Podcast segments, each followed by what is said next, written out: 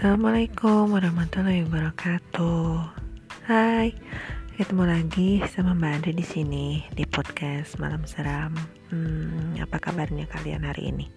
Tentunya sehat, walafiat, dan dalam keadaan baik kan? Oh ya, masih tetap di rumah kan? Masih tetap menuruti anjuran pemerintah. Jangan ke mana-mana. Don't go anywhere, stay at home. Kalau bahasa Sundanya cicing deh mah. Uh, benar apa?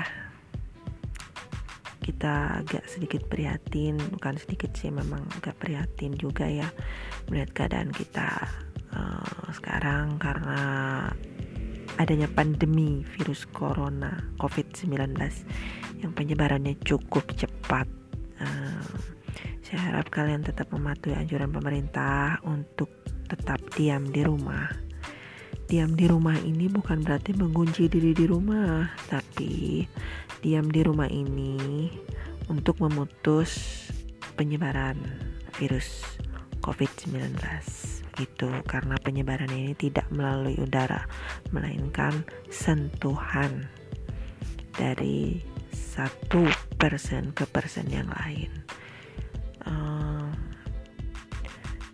Jadi kita membantu pemerintah dan membantu diri kita sendiri uh, berdoa terus semoga pandemi ini segera berakhir dan kita kembali ke kegiatan kita seperti biasa beraktivitas kembali seperti biasa oke okay. um,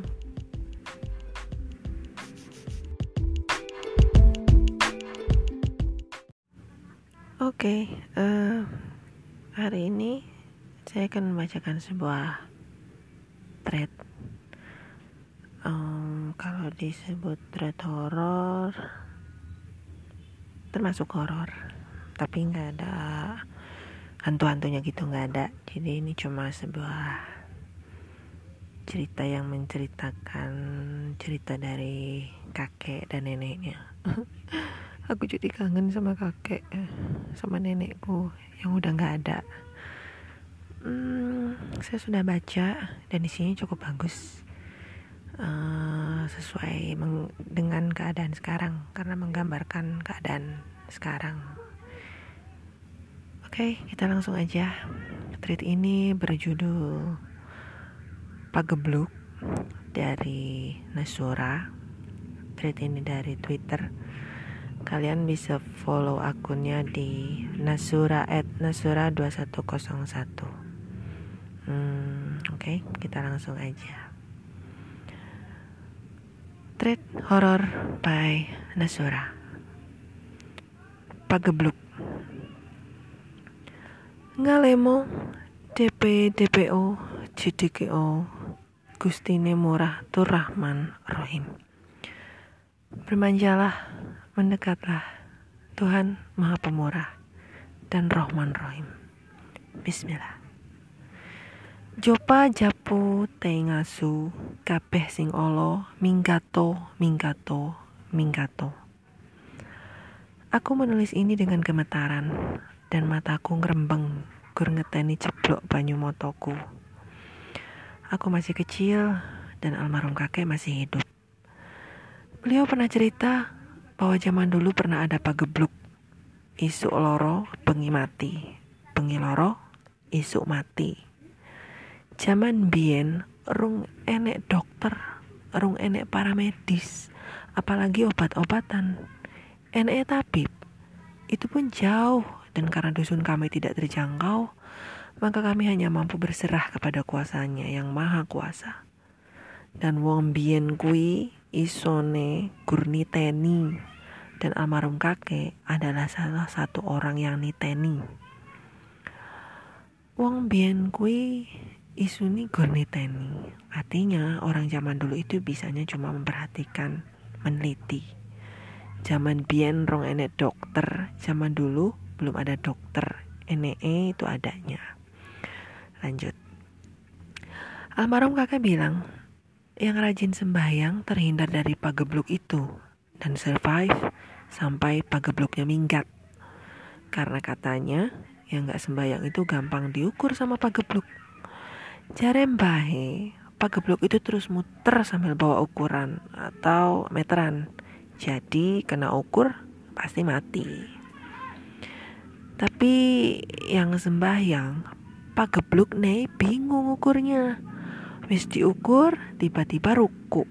Rong mari lek ngukur, tiba-tiba itidal. Belum selesai ngukur lagi, tiba-tiba sujud. Malah pas sujud iki tambah bingung ngukure. Di sini pasti kami tertawa terbahak-bahak menertawakan. Pak gebluk, kapok kelejikan ra iso ngukur. Celetuk tampah. Dan kami semua tertawa ngakak. Dan kulihat kakekku tersenyum bijaksana penuh kedamaian melihat cucu-cucunya tertawa riang kapok itu syukurin dan kelejingan itu malu sendiri. Raiso ngukur itu nggak bisa ngukur. Baik. Kami memang riung atau memutari kakek. Kami sangat banyak. Karena almarhum kakek dan nenek punya 10 anak. Dan kami cucu-cucunya selalu berkumpul di kediaman kakek pada hari minggu. Kami akan diantar oleh orang tua kami ke kediaman kakek di hari Sabtu malam minggu Selain halaman yang luas, kami selalu rindu dengan dongeng-dongeng kakek. Halaman yang luas dan teduh hingga kami bebas bermain apa pun yang kami mau. Para anak laki-laki bermain dampar, sedang para anak perempuan bermain sudah manda. Atau bersama-sama kami main petak umpet dan jamuran. Atau kadang kami bermain kasti. Zaman itu Kasti lebih famous dari permainan apa pun di zamannya. Karena kasti adalah permainan yang memerlukan beberapa keahlian.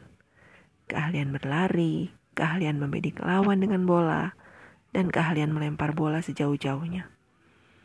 Kami juga rindu masakan nenek. Masakan nenek selalu enak. Selain masakan nenek memang enak, karena kami makan bersama, jadi terasa lebih enak. Yang paling kami rindukan adalah malam Senin setelah jamaah sholat isya. Kami bisa menyampaikan keinginan kami dan minta sangu atau uang jajan kepada kakek. Kakek akan memberi kami satu pertanyaan seputar dongeng yang kakek ceritakan atau seputar pelajaran mengaji yang sudah kami pelajari selama dua hari selama kami tinggal bersama kakek. Beliau juga meminta kami untuk menghafal salah satu surat pendek. Siapa yang bisa menjawab, pertanyaan kakek duluan atau siapa yang bisa menghafal surat pendek duluan akan dapat giliran mengajukan permintaan terlebih dahulu. Ada hal yang tidak pernah bisa dinalar dari kakek, yaitu dari bawah sejadahnya akan selalu ada barang-barang yang kami minta. Mulai dari makanan, mainan, buku, pensil, pen, penggaris, buku gambar, tas, jepit rambut, karet gelang, termasuk uang. Jadi, apa pun yang kami minta, beliau akan mengambilnya dari bawah sajadah tempatnya bersila. Tapi begitu kakek berdiri dan sajadah itu diangkat dan dikibaskan, tidak ada apa-apa di bawah sajadah. Adanya cuma lantai. Pernah suatu kali salah satu sepupu kami yang bernama Jani, karena rasa penasarannya, dia berusaha menyingkap sajadah kakek yang sudah digelar di pengimaman. Tapi ternyata dia tidak pernah bisa melakukannya. Sajadah itu sangat berat dan seperti menempel dengan lantai. Hingga dia tertangkap basah oleh kakek. Kakek menjawab kupingnya sambil tersenyum simpul. Lalu beliau berkata, Sesok-sesok rak pareng dibaleni, lek wani baleni bakal kualat. Lek pengen weruh, kudune takon langsung. Simbah opo tau rak nguwe penjalukmu. Anjani nyengir dan meminta maaf dan berjanji untuk tidak mengulangi perbuatannya. Sebagai hukuman, malam Senin hari itu kami tidak dapat mengajukan permohonan dan kami juga tidak dapat uang saku seperti biasanya. Tapi waktu itu kakek nyuwuk kami satu persatu. Itu kebiasaan kakek. Jika salah satu berbuat salah, maka kami akan dapat hukuman sama rata. Ada hal lain yang tidak pernah bisa kami nalar. Musyola dan rumah kakek selalu bersih, seperti ada banyak orang yang membantu membersihkannya. Jeding, seluas 1,5 meter kali 3 meter juga selalu penuh terisi air. Padahal kami jarang sekali melihat kakek nimba. Dan kami cucu-cucunya juga tidak pernah nimba karena senggotnya berat. Hmm, senggot itu alat tradisional yang dipakai buat nimba air dari sumur yang terbuat dari bambu. Bentuknya seperti jojit atau ayunan yang di ujung satunya dikasih benda berat dan ujung satunya yang berada tepat di atas sumur dikasih timba. Timba pun zaman dulu buatan kakek sendiri dari kayu. Poros tengahnya ditempelkan di pohon kapuk dengan menggunakan baut. Bautnya terbuat dari kayu dan diikat dengan pering tali atau bambu ikat yang entah bagaimana ceritanya pohon kapuk itu bisa berada di dekat sumur dan besar sekali sehingga bisa menopang senggot. Padahal kami jarang sekali melihat kakek nimba kakek hanya nimba waktu beliau mau berwudu atau mandi. Itu pun air hasil beliau nimba dimasukkan ke padasan, bukan ke jeding. Padasan ini sebuah benda tradisional yang dibuat khusus untuk menampung air untuk berwudu, yang di salah satu sisinya dilubangi dan air keluar dari situ untuk berwudu. Ada yang terbuat dari gentong atau kendi besar atau pring ori atau bambu besar yang sebelum dibersihkan banyak durinya. Jeding itu bak mandi. Sedangkan di rumah besar ini cuma ada kakek dan nenek. Ya, kecuali hari Sabtu saat kami cucu-cucunya pada datang. Kami pun hanya membantu sejedanya. Maklum, kami masih anak-anak. Yang kami pikirkan cuma main saja. Bahkan dinding rumah, musola, dan pagar halaman tiba-tiba ngelabur sendiri. Tiba-tiba sudah putih seperti sehabis dilabur. Ngelabur itu ngecat pakai gamping atau cara kuno. Dilabur itu dicat pakai gamping.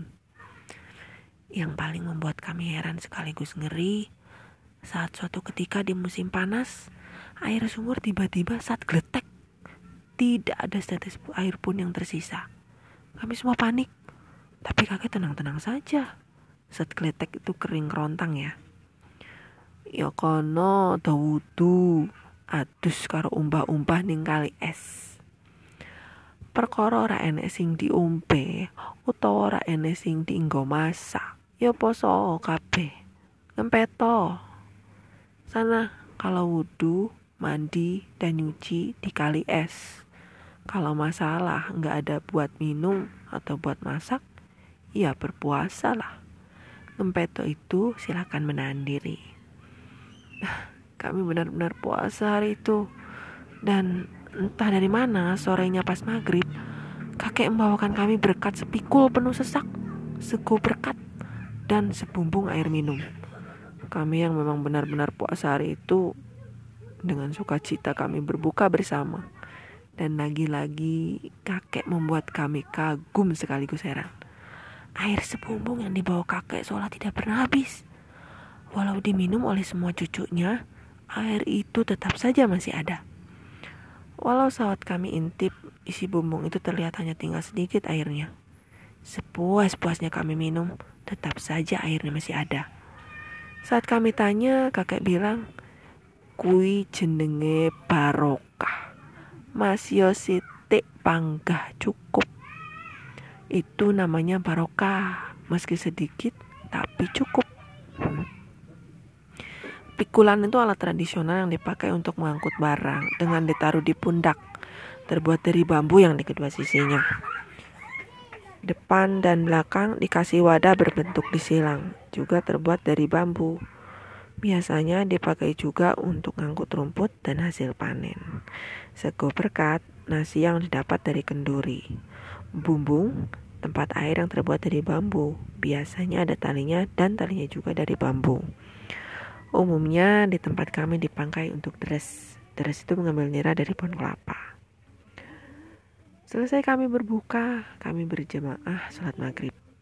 Kami semua riang karena kakek juga membawakan bumbung lain untuk berwudu. Jadi kami nggak perlu jauh-jauh pergi ke kali atau ke sungai untuk berwudu. Letak kali dari kediaman kakek memang agak jauh, sekitar 2 kilo. Zaman dulu belum ada motor di tempat kami. Sepeda juga cuma sepeda unto.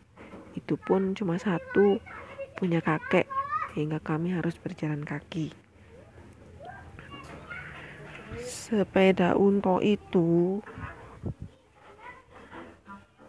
sepeda kuno yang bentuknya besar tapi sangat kuat hmm. yang bentuknya panjang dan tinggi seperti unta zaman dulu zaman dulu punya sepeda unta juga sudah sama dengan punya mobil Sehabis sholat isya, kakek mengumpulkan kami semua. Kakek bilang nenek mau mendongeng. Hah? Kami semua terkejut. Tidak biasanya nenek mendongeng, bahkan ini untuk pertama kalinya nenek mendongeng. Biasanya nenek hanya bersama kami ikut mendengarkan kakek mendongeng untuk kami. Tapi kami tetap antusias. Nenek tampak canggung. Kami menunggu dengan tidak sabar. Akhirnya nenek memulai ceritanya juga. Bismillah, Mbah Putri memulai. Piro-piro lupute Mbah Putri jauh ngapuro. Sebelum nenek melanjutkan kalimatnya, kulihat titik air mata jatuh di sudut matanya. Jika nenek punya salah, nenek minta maaf. Kalimat ini biasanya hanya dipakai jika kami ingin mengutarakan sesuatu hal yang penting. Dan benar saja, berikutnya nenek bilang sebetulnya nenek bukan mau mendongeng tapi kepada permohonan maaf, karena neneklah penyebab dari semua kekacauan hari ini. Hingga kami semua harus puasa dan harus ke sungai hanya untuk berwudu atau mandi.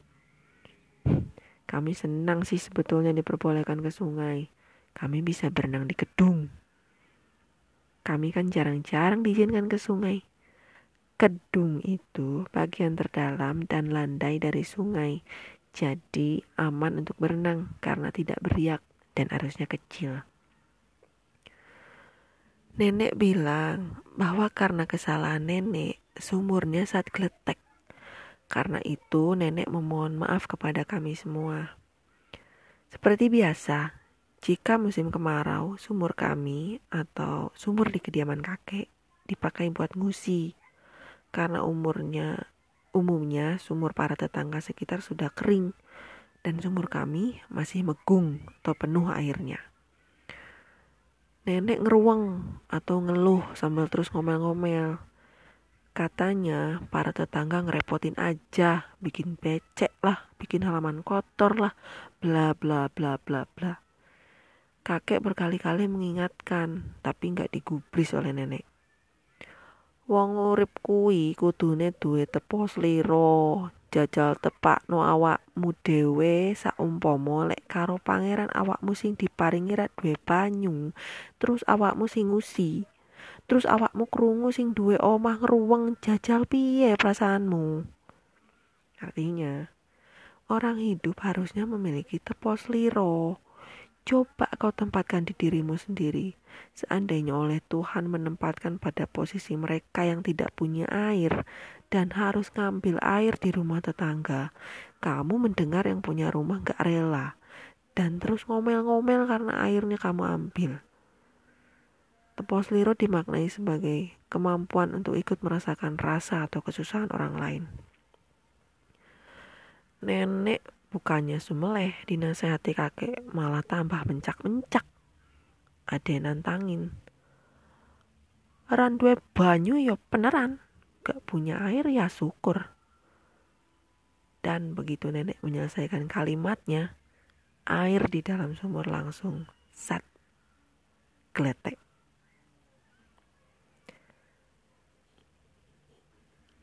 Lanjut. Banyuwangi 1960 Masih dari cerita kakek tentang pagebluk Kakek nampak terdiam sebelum memulai ceritanya malam ini. Nampak menghela nafas panjang. Dan nampak sedikit ragu untuk memulai ceritanya. Jane mbahku apot arep cerita iki. Tapi awakmu kabeh saiki wis mulai gede.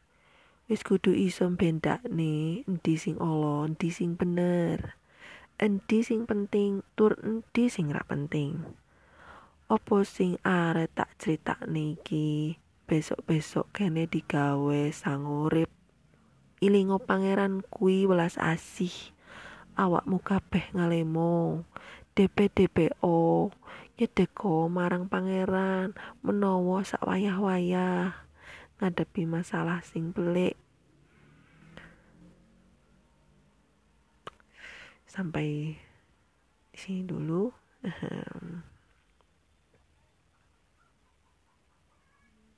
sepertinya cerita ini selesai di sini. Hmm,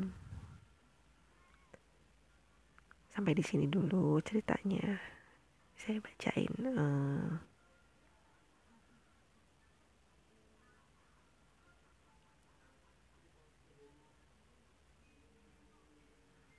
sampai di sini dulu ceritanya ya. Nanti aku lanjut lagi. hmm, mohon maaf kalau cara pembacaan saya agak kurang dan ada salah-salah kata dan karena cerita ini bahasa Jawa jadi ada artian-artiannya yang mungkin saya kelewat mohon maaf yang sebesar-besarnya jadi uh, nanti saya lanjut lagi di episode selanjutnya oh dan saya juga mau mengucapkan terima kasih kepada Nasura sudah mengizinkan saya untuk membaca tweetnya. Mudah-mudahan saya juga diizinkan untuk membaca tweet-tweet yang selanjutnya. Oke, segitu aja dulu. Hmm, nanti kita lanjut lagi. Dan bagi kalian yang baru mendengarkan tweet saya, selamat datang.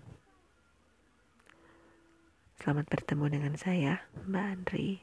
Dan saya masih tetap menunggu cerita-cerita seram dari kalian uh, kirimkan ke email malamseram738 at gmail.com Ingat ya, saya tunggu cerita kalian. Terima kasih. Assalamualaikum warahmatullahi wabarakatuh.